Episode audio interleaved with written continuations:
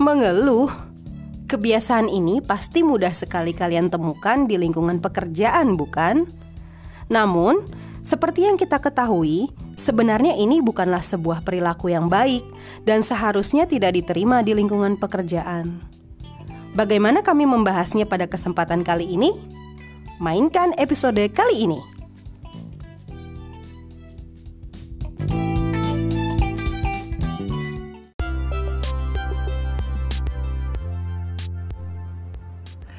Hai sahabat LSI, selamat datang di podcast LSI Story season ke-8 Masih ngos-ngosan bareng Haji Rafdi. dan Yulian Despi. Halo Yulian, Halo Aji. apa kabar? Masih sehat walafiat, alhamdulillah. Luar Kamu gimana? biasa. Aku juga baik-baik saja. Ah, Iya iya. Sebenarnya formalitas sih aku nanya. Soalnya aku udah lihat kamu baik. Ya, Ya kan. secara fisik dan mentalitas. Hmm, bagus lah kalau mentalnya juga baik kan. Soalnya kan kita sekarang lagi menggencarkan mental health, health kan. Ya, Anak-anak muda zaman sekarang. benar-benar supaya tidak apa ya? Stres kali ya. Tidak depresi. Apalagi iya, kan masanya lagi pandemi kan. Oh iya Hmm, benar. Kebanyakan di rumah kadang-kadang orang jadi bingung mau ngapain gitu kan. bener, bener. Makanya harus memerhatikan juga tidak hanya kesehatan tapi juga kesehatan mental. Benar. Aduh aku tuh emang motivator banget. Iya, kamu tuh emang cocok banget, Yul. Aku lihat tuh ngasih ceramah ke orang-orang. Iya, tapi nggak ke diri sendiri. Iya bener bener. Nah itu emang sistemnya begitu. Jadi untuk diri kamu yang nyeramahin orang lain. Saling mengingatkan Benar Hmm. berarti kan. itu itu sebabnya kehadiran aku di sini. untuk menambah beban ya. Bukan memberikan ceramah. Eh kok kamu ngeluh kayak gitu sih? Ah, aku emang aku ngeluh tadi ya? Iya. Apa maksudnya itu? Emang aku ngeluh, aku cuma bilang untuk menambah beban Iya. gitu. Berarti kamu ngeluh dong. Aku di sini nambah beban kamu Aku gitu. bukan ngeluh, aku membicarakan kenyataan. Secara nggak langsung kamu ngeluh Yul. Oh, gitu ya. Heeh. Aduh, gimana dong? Udah terlanjur keluar dari mulut aku. Aduh. Gak boleh diulangin lagi ya. Ka- eh, terus kamu ngomong-ngomong ngeluh-ngeluh gitu pasti ada berhubungan sama podcast kita. Oh tentu saja Itu makanya kita buat settingan semacam ini Supaya kamu mengeluh Supaya bridgingnya masuk gitu loh Hmm, jadi kita mau ngomongin apa, Ji? Hari ini kita akan masuk ke sebuah topik Dimana kalau di dunia kerja ini ada istilah dalam bahasa Inggris The Complainer Alias Komplainer. si tukang komplain atau si tukang ngeluh Hmm, Emang ngeluh nggak boleh ya? Emang komplain itu nggak boleh? Ngeluh atau komplain itu boleh Yul Oh boleh. Boleh, tapi ya nggak setiap hari gitu loh. Kalau setiap hari itu namanya kayak apaan sih masa ya setiap hari? Masa iya apa aja dikomplainin, apa aja dikeluhin gitu. Oh jadi ini tuh kayak kebiasaan ya? Kebiasaannya Iya. emang tukang ngeluh gitu. Bener udah jadi habit, udah jadi karakter. Hmm, kayak Yulian gitu. Udah jadi karakter. enggak lah, aku Enggak ya? mah bersyukur banget anaknya. Hmm, bagus bagus. Tapi aku tuh sering denger banget orang yang suka mengeluh. Nah, kalau ini tuh apa ya? Mungkin kalau masalah ungkapannya tuh eh, tidak terlalu umum. Tapi kita tahu ada nih di lingkungan kerja orang-orang kayak gini yang Enggak cuma lingkungan kerja, dimanapun kayaknya ada. di mana lagi? Di kehidupan Sehari-hari. keluarga. Oh iya benar. Ih, itu nih si istrinya Pak Pak Joko beli mobil gitu. Iya, atau enggak istrinya mengeluh ke suaminya. Iya, Pak kapan kita beli mobil gitu. Ada. di kehidupan sekolah pokoknya banyak sih. Iya sih benar-benar. tapi contoh-contoh kehidupan kerja itu pengeluh ini mereka biasanya kena apa Ji? Masalah ah ngeluh nggak ngeluh. Ini kan kamu tadi bilang hah gitu ini kan tarik napas. Gitu. Oh, lah napas, lah napas, keluarin napas. Hah, kalau masalah ngeluh di dunia kerja tuh ada aja Yul. Hmm. Ini tuh mulai dari mereka tuh tidak nyaman ketika melakukan pekerjaannya nih. hmm. Jadi apa aja yang mereka rasakan itu langsung dikeluarin Padahal bisa aja mereka mengeluh karena emang mereka males Hmm. Jadi bukan karena misalnya tiba-tiba wah ada pekerjaan yang eh, di luar kontrol Hmm. Tapi emang mungkin itu pekerjaan hariannya Mm-mm. Tapi ya udah kayak ih Hmm. apa emang sih ini? mager aja ya Hmm. Iya kerjaannya nggak habis habis gitu. Padahal kan yang namanya kerja ya nggak ada yang habis ya. Kalau kerjaannya habis nggak kerja nggak kerja lah si kocak gitu loh itu bener gak tuh kalau kayak gitu Nah, aku setuju. Seperti biasa. Seperti biasa. Karena memang biasanya tuh kadang-kadang tidak ada alasan logis di balik ala di balik eh, kenapa orang itu mengeluh kan. Bener. Kayak ih kok ngeluh sih kan itu emang kerjaan kamu. Jadi pas kita Bener. mikir eh kenapa Anda ngeluh? Kan itu kerjaan Anda. Itu kan gitu tanggung jawab kan. Anda, sobat. Hmm, kadang-kadang aku mikir malah ih apakah ini adalah sifat bawaannya dia? Hmm, karena memang eh, mungkin atau mungkin dari eh, didikannya di Di rumah. dibesarkan di lingkungan seperti itu yang membuat dia memiliki ving- victim mentality. Nah, itu masalah masalah utama sih menurut aku dari sikap mengeluh tuh ya karena victim ini. Jadi dia merasa apa yang dikerjakan itu ih enggak harusnya tuh aku dapat pekerjaan yang lebih ringan Mm. dengan hasil yang memuaskan gitu loh. Dan ketika dia mau mendapatkan sebuah hasil ya eh, si pengeluh ini mereka mau mendapatkannya itu tanpa berusaha, tanpa Benar. berjuang. Sehingga ketika harus melalui proses tersebut ya hal yang dikeluarkan itu ya kayak gitu ventilating, keluhan, keluhan gitu dan Dan sebenarnya Niul, orang-orang yang komplainer ini seringkali ini malah bikin masalah. Oh gimana tuh? Karena kan misalnya nih kamu ngeluh nih, Ah, Ji, ih ya ampun Ji, Ji kerjaan aku Ji gitu. ah, ah, ah. Habis itu dari cerita itu tuh bikin mera- bikin apa ya? Orang lain terpikirkan juga gitu ya. Oh iya juga ya. Jadinya malah kayak "Ih, iya nih. ngajakin. Iya, jadi emang kayak dikompor-komporin. Ya at- atau mungkin ikutan bilang, "Eh, Aji, kamu juga gitu kan? Kamu Iya, juga merasa iya, gitu iya, kan?" Eh, iya, jadi iya. kayak ngajakin orang buat berpikir yang sama Bener, gitu ya. bener, bener, bener. Hmm, Akhirnya mereka jadi geng, geng pengeluh. iya, itu bisa bisa berangkat dari satu orang, tapi karena orang lainnya juga ya belum punya pendirian, ujung-ujungnya malah jadi eh iya bener banget ini. Wah, itu tuh nggak bagus pengeluh tuh. Ya udah kalau mau mengeluh mungkin ke diri sendiri aja kali ya. Jangan di depan orang lain apalagi Tuhan. nyari teman. ah, kalau ke Tuhan tuh lebih apa ya Yul? Apa sih namanya? tuh? Apa? berdoa gitu bukan ngeluh gitu loh bukan berdoa bukan ngeluh itu namanya berdoa Oh iya, makanya jadi kalau pas mereka ketemu teman-teman lain yang akhirnya sefrekuensi kan, ikutan mikir, oh Mm, iya nyambung." juga ya, akhirnya mengeluh juga bareng-bareng. Itu akhirnya mereka menjadi grup yang akhirnya yang mereka omongin hanya keluhan-keluhan, Benar. ngomongin sesuatu yang em, jelek-jelek jelek-jelek tentang orang lain atau tentang perusahaan mereka gitu dan Bener. tidak ada yang memberikan solusi di dalam grup itu Nah. udah akhirnya mereka menjadi grup yang membicarakan keluhan iya saja padahal ya tahu sendiri kan kalau masalah-masalah kayak gitu sulit diselesaikannya tanpa mencari akar masalahnya gitu loh jadi seperti bola salju ya bergulir satu orang cerita bergulir. orang lain ngerasa juga oh iya bener ada orang ketiga oh iya bener terus saja akhirnya pa- kalau misalnya em, misalnya Hmm. keluhan tersebut terdengar oleh bosnya kan kenapa kamu tidak langsung berbicara kepada saya contohnya kata Nah. bosnya jawabannya apa "Eh, ya pak kan nggak cuma saya teman-teman yang lain juga ngerasain hal yang sama gitu akhirnya teman-teman dalam grup keluhannya tadi dibawa tuh dia juga kayak gitu tuh tuh dia juga kayak gitu ngajak-ngajak gara gara satu orang nih makanya bahaya banget Yul sebenarnya Hmm. orang-orang yang suka komplain ini bener sih nggak cuma di lingkungan kerja ya di mana aja bener tapi kan ini ngomongnya konteksnya lingkungan kerja LSI kan juga lingkungan kerja nih Ah. nah aku jadi penasaran nih kamu mau tahu Eh, eh, iya aku sangat ingin tahu kalau begitu di segmen kedua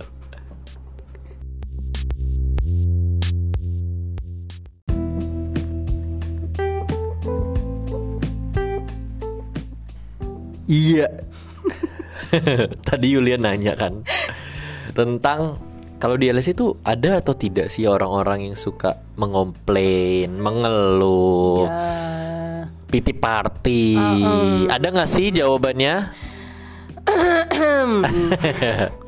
Sebenarnya awal aku kasih tahu dulu nih ya. Apa? Kalau misalnya mengeluh itu kan kadang-kadang kita mikir, aduh ini kayaknya sifatnya manusiawi juga. Benar. Orang kayaknya ada saat-saatnya dia itu merasa eh, berat hidupnya terus ngeluh.